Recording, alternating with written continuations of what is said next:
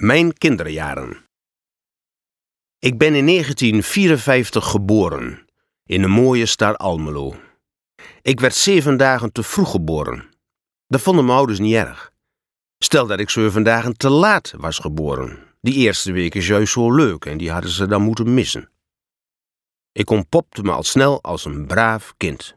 Abnormaal braaf.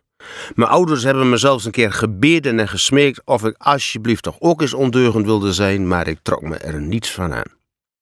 Het enige dat op mij viel aan te merken was dat ik nogal dromerig van aard was. Wat heet dromerig. Ik heb een keer een half uur aan de kapstok gehangen omdat ik vergeten was mijn jas uit te trekken. Zo dromerig was ik in die tijd. Mijn moeder sprak bezorgd: Ons Herman is kats op de. Bij ons thuis sprak men erg plat. Nu spreekt men in Twente toch al erg plat, maar bij ons thuis sprak men wel heel erg plat. Kijk, de heer en mevrouw Huiskus, daar wordt in de plat heel eenvoudig de heer en mevrouw Huuskus. Maar bij ons thuis werd Jansen al Huuskus. Zo enorm plat spraken wij thuis.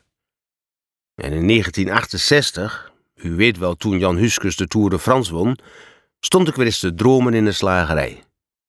En, wat zal het wezen? riep de slager mij wakker.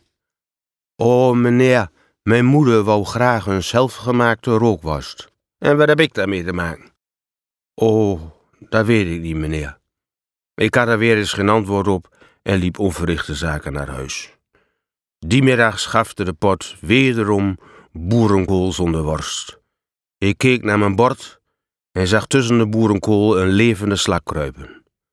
Klinkt gek, maar nu nog lust ik geen slakken.